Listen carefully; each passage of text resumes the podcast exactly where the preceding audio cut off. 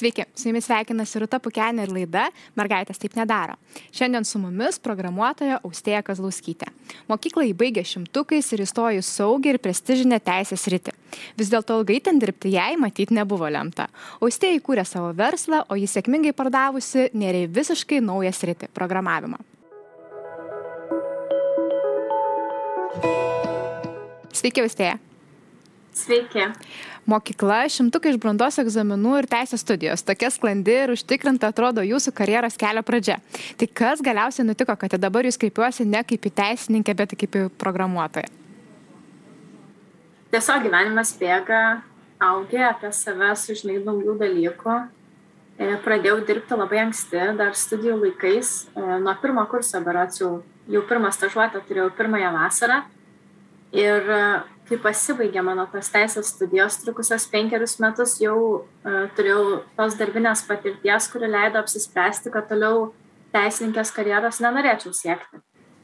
Ir uh, po visokių veiklų, dar dirbau su renginiais, su kino festivaliais, pasakau į IT, dabar esu programuotoja. Grįžkime dar šiek tiek prie tų teisės studijų. Žinau, kad e, galiausiai ir baigusius studijas e, dirbote pagal specialybę, jums visai neblogai sekėsi, bet net ir tuomet jutote, kad ne viskas yra gerai, kaip minėjote, ir motivuodavot save žodžiais. Na, jei man nepatinka, tai galbūt reikia dar daugiau pasistengti. Iš kur tai? E, charakteris turbūt e, nenoras kaltinti e, aplinkos, o tiesiog bandymas susitelkti į save ir žiūrėti, kaip pačiai geriau pasigerinti situaciją ir tas situacijos gerinimas dažniausiai mano galva ateina iš darbo ir pastangų.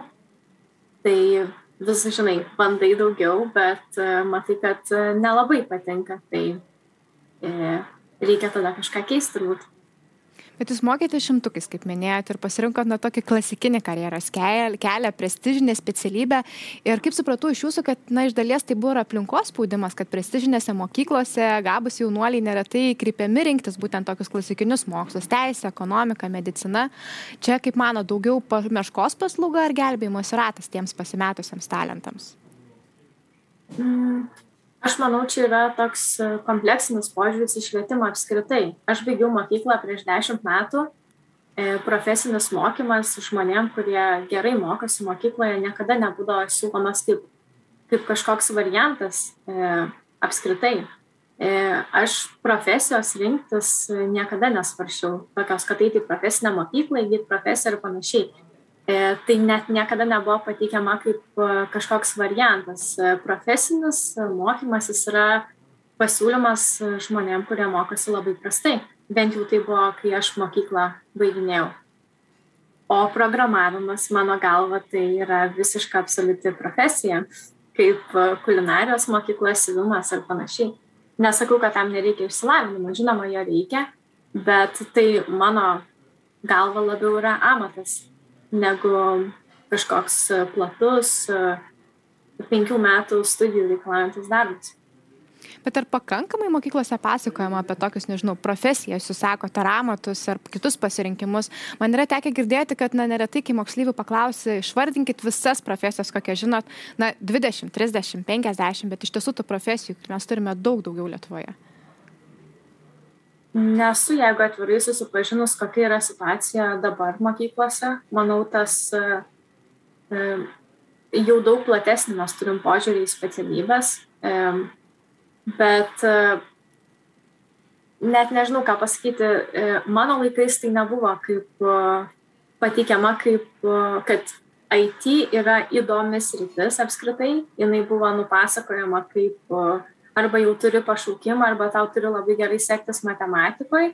Ir dažniausiai į kiną įdavo žmonės, kurie nelabai būdavo komunikabilus, kurie krapštydavosi kažką prie kompiuterio ir tokie labiau e, su tokia nišinė pakraipa iš savęs turėdavai labai domėtis.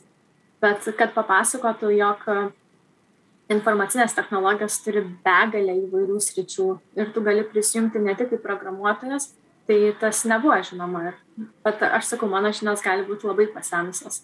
Kaip dabar yra, e, manau, truputėlį kitaip, bet iki šiol tas profesinis mokymas, man atrodo, yra labai nuvertinamas. Ir IT profesijų e, ta plotmė ir kiek jų daug įvairių, aš abejoju, ar tai yra pristatoma mokykloje kaip toksai legit, tinkamas, geras karjeros kelias kad jūsų kelias į IT nebuvo tiesus, mes jau supratom, aš minėjau ir teisės studijas, bet jūs į IT sritį ir tech sritį pasukot ne visiškai iš teisės. Užsiminėte šiek tiek apie kitus Taip. darbus, bet turėjote ir savo verslą. Taip. Gal galite apie tai papasakoti daugiau? Taip, aš sukūriau produktą Vaškainis LT, jis vis dar gyvuoja, prieš kelis mėnesius jį pardaviau naujiems savininkams, linkiu didžiausiai sėkmės įvystant. Tai yra bičių vaško drovelės, kurios pakeičia kasdien naudojamą plastikinę e, plevelę maistui laikyti. Ir e, sukūriau šį produktą, pritaikiau jį komerciniam naudojimui ir e, pradėjau prekiauti juo Lietuvoje ir užsienyje ir vystydama šį produktą teko susidurti su elektroninė prekyba ir kaip gyvė elektroninių parduotuvių. Pradėjau pati kurti jas, vieną sukurdavau, po to norėdavau geriau, perėdavau ant kitos platformos, kitą sukurdavau ir galiausiai supratau, kad iš viso verslo, iš visų dalykų, kuriuos tu turi kaip e, verslininkas daryti savo verslę, man įdomiausia ir yra tas e, puslapio kūrimas, jo palaikymas, e, elektroninių kažkokių sprendimų įgyvendinimas ir e, tuo metu buvau vaiko priežiūros atostogose ir nusprendžiau, kad e, reikia apsispręsti ir eiti ten, kas labiausiai patinka. Taip ir pasukau į programavimą. Bet teisė, verslas, programavimas, tokios skirtingos rytis. Nebuvo baisu mesti viską, ką jau esi pasiekusi vienoje srityje ir nerti visiškai naujai į kitą. Aš nemanau, kad uh, tai yra visiškai skirtingos sritis. Aš pati programavimą labiau žiūriu iš lingvistinės pusės, o teisė, yra, teisė reikalauja labai didelio sisteminio mąstymo, suprasti, kaip viena teisės norma dera su kita teisės norma, kurioje vietoje hierarchijoje jinai yra. Ir man atrodo, kad tai yra daug arčiau programavimo negu, negu kas nors galėtų pagalvoti, kuris nėra nei teisininkas, nei programuotojas. Tai aš kažkaip ir tą programavimą žiūriu labiau iš, kaip ir minėjau, iš lingvistinės pusės. Išmokti JavaScript yra iš tiesų tas pats, kas išmokti prancūzų kalbą arba arabų kalbą. Ir tai yra daug labiau skirtinga, negu žmonės galvoja, kad reikia matematikos mokėti labai gerai. E, matematikos reikia pagrindus turėti, bet juos mes visi turim baigę mokyklą. E, o yra daugybė bibliotekų e, kalbose, kurias tu naudoji rašant kodą ir tau tikrai nereikia skaičiuoti kažkokių integralų ir panašiai yra funkcijos tam, tau reikia tik žinoti, kada kokią funkciją išsikviesti. Ir tai daug yra arčiau kalbų negu matematikos arba kažkokių fizikos, chemijos žinių, ką daugelis žmonių galvoja, kad yra kitaip užkabinote labai gerą temą, ką reikėtų žinoti, kokias savybės turėti, kad galėtumai programuoti. Gal galite ir daugiau papasakoti, na kuo tai sakėte, tai panašu į kalbas. Bet ar savo jau atsakėte klausimą, nuo kokios savybės jums labiausiai padėjo nerinti tekstritį?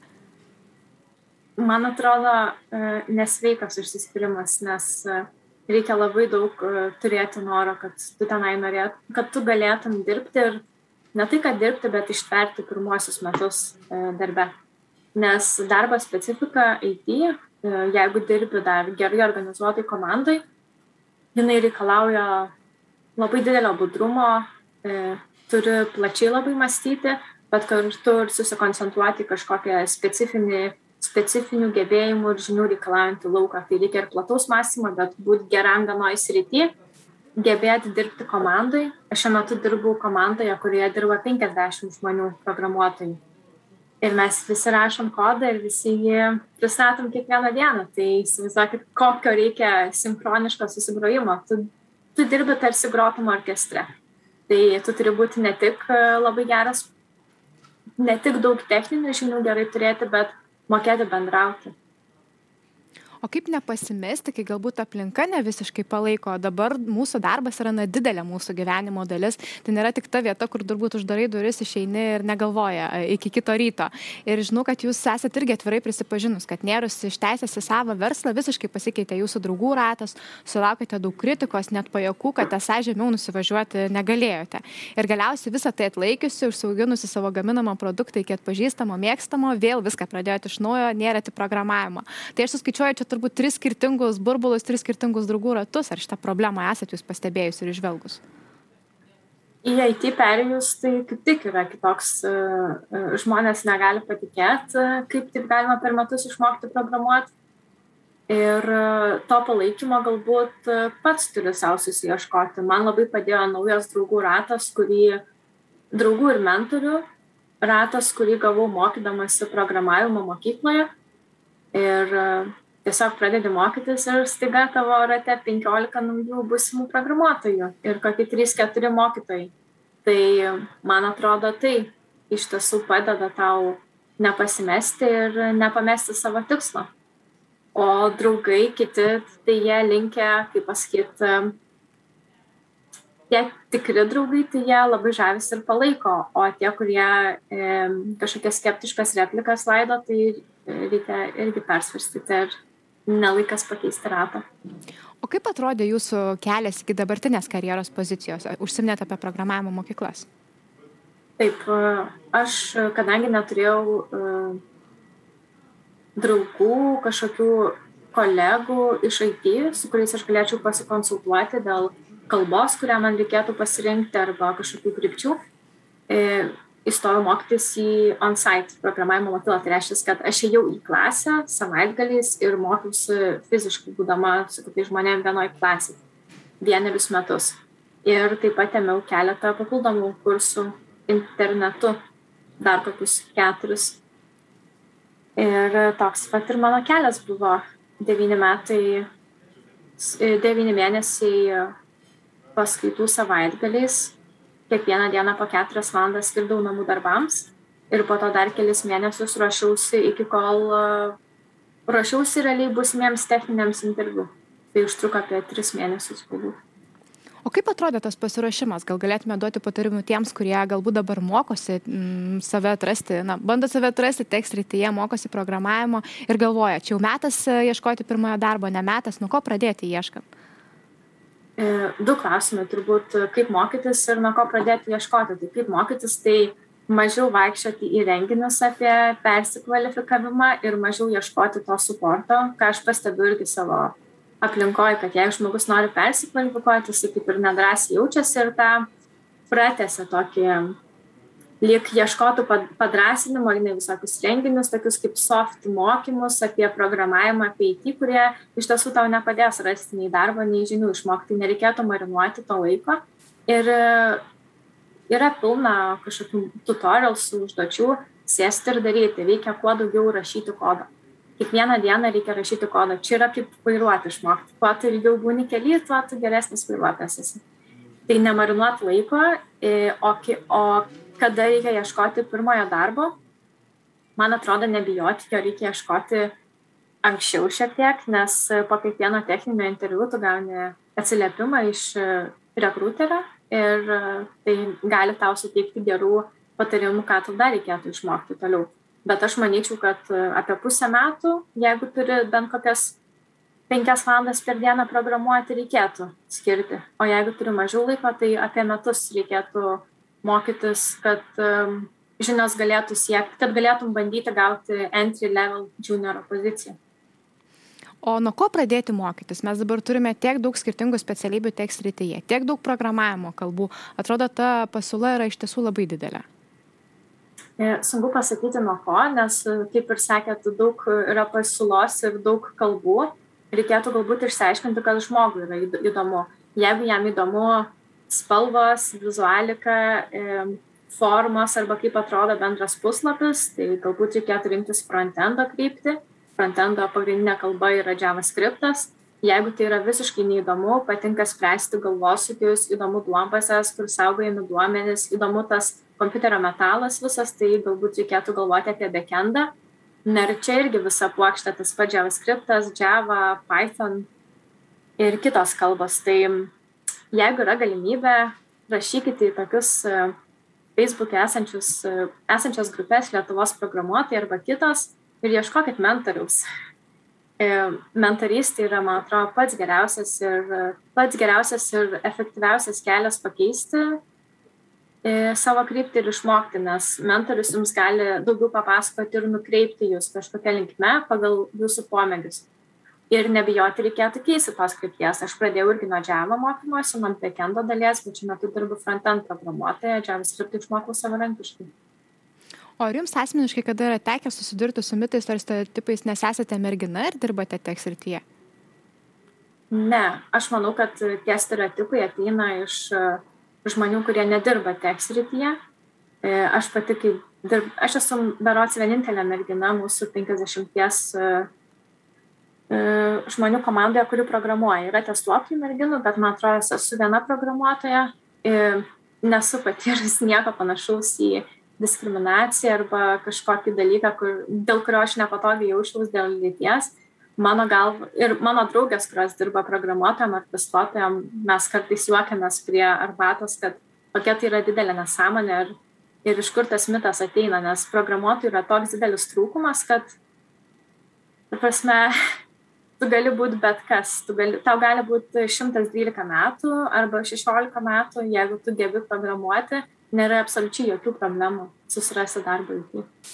Bet kaip manot, kodėl tada turim tą problemą, kad į tech sritį neteina daug merginų, nėra čia daug merginų. Jeigu galbūt tie stereotipai, kaip reaguoja merginas, yra gali būti ir mitai kažkokie, bet faktas yra, kad moterių tech srityje nėra daug. Su kuo tai susiję?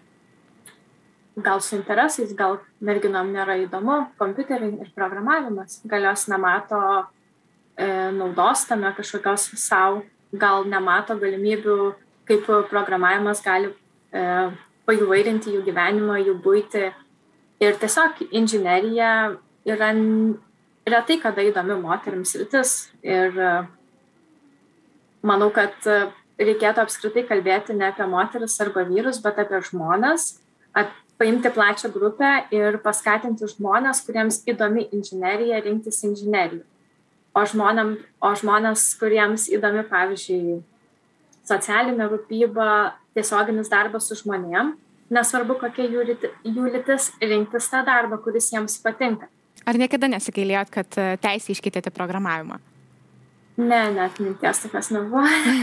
Jaučiuosi labai, labai savo, savo keli ir savo kailį ir e, kiekvieną dieną vis daugiau kažką išmokstu savo srity.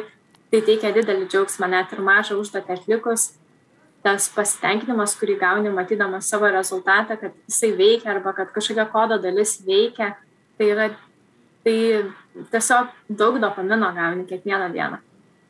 Turbūt tai labiausiai žavi iš tekstrityje, yra kitų aspektų, kodėl ne čia ne tik pasukot, bet ir pasilikot ir statė dabar karjerą čia. Smagiausias dalykas apie tekstritį yra žmonės.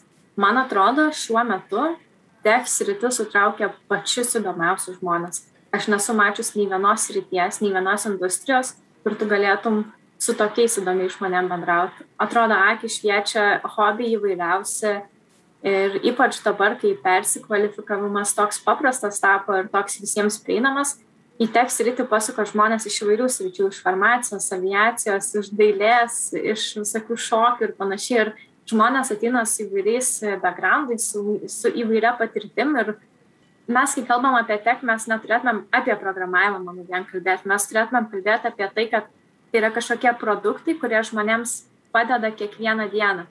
Ir iš verslo pusės, kuo daugiau įvairių žmonių ateis į tą tech sritį, kuo daugiau įvairiais kampais mes galėsim pažiūrėti į tą verslo problemą, kokią mes sprendžiam per kodą, tuo ir mūsų produktai, kuriuos mes kuriam kitiems žmonėms bus patogesni, geresni, tai taip man atrodo įdomiausias dalykas tech srity yra žmonės kurie dabar čia yra ir kurie ateidinėja kiekvieną dieną O sakykit, ką galėtumėt patarti tiems, kurie galbūt šiuo metu stebi mūsų pokalbį, bet e, nori būti šioje srityje, bet niekaip neranda savyje drąsos galiausiai imtis to, apie ką svajoja? E, jeigu nerandate drąsos, tada nereikėtų eiti į sritį. Iš karto tai pasakysim, nes drąsos reiks labai daug e, ir, ir užsispyrimo reikės labai daug ir labai daug darbo įdėti. Tai aš galbūt norėčiau kalbėti tiem žmonėms, kurie turi drąsos, bet e, neturi žinių arba nežino, nuo ko jiems pradėti. Ir kai jie bando googlinti, jiems išmeta 30 programavimo kalbų ir jie nežino, ką daryti. Tai mano vienas iš patarimų yra susiraskit žmogų, kuris dirba IT bent du metus ir paklauskit jo tiesiai, papasakokit jam apie save, ką jūs mėgstat, paprašykit patarimo ir pradėkit mokytis vieną dalyką. Net jei ir tai nėra ta jūsų kalba, su kuria jūs dirbsit, tiesiog išmokit vieną kalbą kažkuria, nesvarbu kokią. Pereiti tarp kalbų po to bus labai lengva. Ir nežinau, o jeigu turit klausimų kažkokių, visada galit man rašyti per LinkedIn, susirasit pagal vardą pavardę, aš taip pat galiu padėti, galėčiau nukreipti pas kitus kolegas, kurie mentoriauja arba padeda jauniem programuotojam. Tai, tai, o kad drąsos reikės, tai tikrai. Jūs nekart užsiminėte apie mentorių svarbą. Man atrodo, kad programavimas iš tiesų tą atgaivina pameistrystės idėją, tiesa? Taip, taip, labai teisingai pastebėjot pameistrystės idėja yra super idėja. Grįžtame į viduramžius ar ne, bet tai buvo revoliucinė idėja viduramžiais, kai tu dirbi šalia meistro ir mokysi iš jo. Man atrodo, tas programavime irgi yra labai svarbu, nes kodas yra kaip raidės, ar ne? Yra daugybė būdų kažką kažkaip parašyti, bet reikia šioj situacijai, kai yra labai daug įvairių sprendimų, reikia kažko susisiaurinti ir mentorius tau labai padeda susisiaurinti. Ir geriau e, jis tu išmoksi iš jo, kaip jisai kodą rašo, e, išmoksi kažkokią vertę sukurti ir pats, ir tada jau tu gali plėstis, ieškoti įvairių variantų, kurių mentorius nežino ar tau nepasakė. Ir manau, kad mentoriaus svarba ir tas prieimas prie studento, jisai labai yra tinkamas būdas išmokti būtent programuoti ne klasėj dirbant, ne kažkokioj didelėje auditorijai, kai 300 studentų nusirašinėja tą patį sakinį, kad dėstytas diktuoja, bet su mentorium. Kai tu pats rašai kodą, tau jisai duoda patarimų ir, ir tu mokais iš vieno žmogaus. Tai ačiū Jums labai už tai, kad pasidalinot savo patirtimi, patarimais ir netgi, na, padrasino tuos, kurie nedrįsta parašyti Jums ir susirasti tą mentorių, kuris galėtų lydėti tuo keliu. Ne už ką, linkiu sėkmės norintiems išmokti kodą. Ačiū Jums. Dėkui.